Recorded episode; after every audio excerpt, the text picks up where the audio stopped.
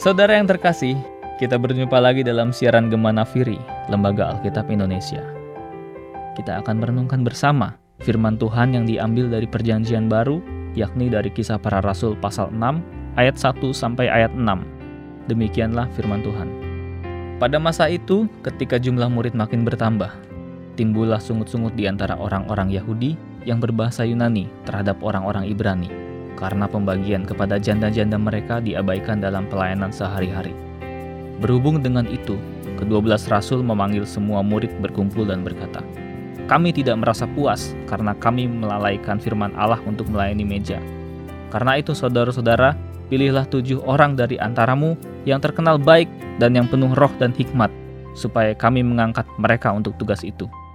Dan supaya kami sendiri dapat memusatkan pikiran dalam doa dan pelayanan firman, Usul itu diterima baik oleh seluruh jemaat, lalu mereka memilih Stefanus, seorang yang penuh iman dan roh kudus, dan Filipus, Prochorus, Nikanor, Timon, Parmenas, dan Nikolaus, seorang penganut agama Yahudi dari Antioquia.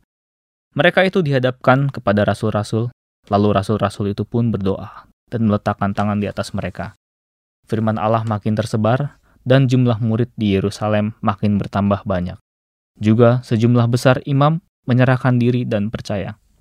Saudaraku yang terkasih dalam Kristus Yesus, jika kita melihat ke dalam pelayanan yang dilakukan oleh Tuhan Yesus selama bersama dengan para muridnya, maka kita akan mengetahui bahwa pelayanan yang dikerjakannya adalah pelayanan yang bersifat holistik.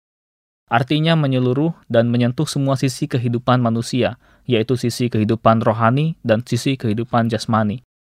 Ia mengajarkan tentang kerajaan Allah, namun di saat yang sama juga tidak melupakan pergumulan hidup sehari-hari manusia. Karena itu ke mana pun Yesus pergi memberitakan firman, selalu disertai dengan pelayanan yang menyentuh kebutuhan manusia. Ia menyembuhkan mereka yang kusta dan terkucilkan, mencelikkan mata orang buta, menyembuhkan seorang wanita yang mengalami pendarahan, memberi makan ribuan orang, memberi pembelaan dan pembebasan kepada seorang wanita yang akan dihukum rajam. Dan ada banyak hal lainnya yang Yesus kerjakan.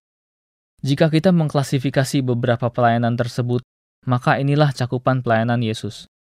Kesehatan bagi mereka yang sakit, hubungan masyarakat bagi mereka yang terpinggirkan, pangan bagi mereka yang lapar, bantuan hukum bagi mereka yang tertindas dan diperlakukan tidak adil.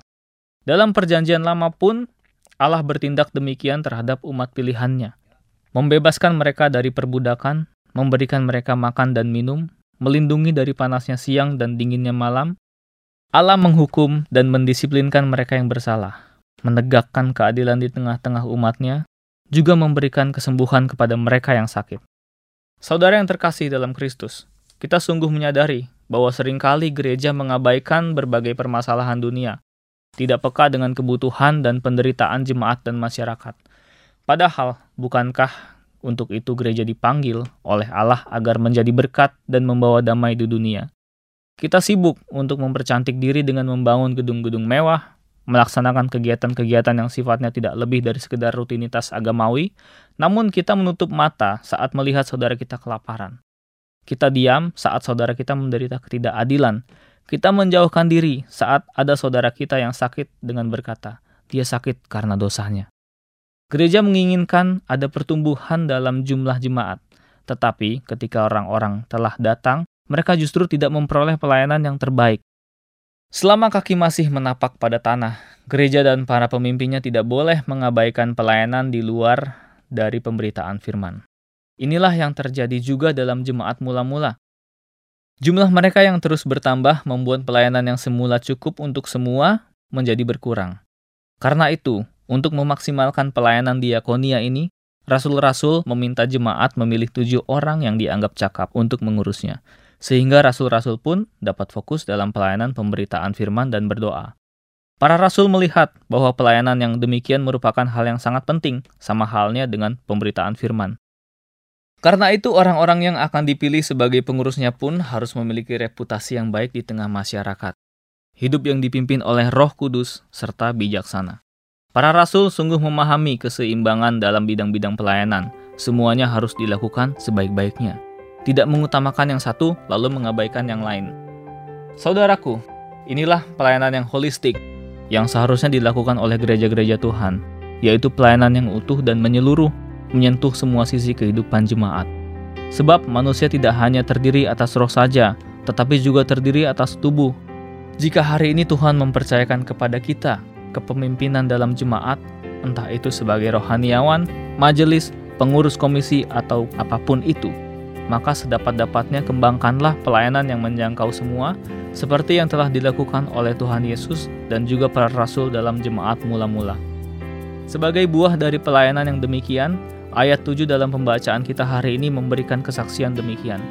Firman Allah makin tersebar, dan jumlah murid di Yerusalem makin bertambah banyak. Juga sejumlah besar imam menyerahkan diri dan percaya.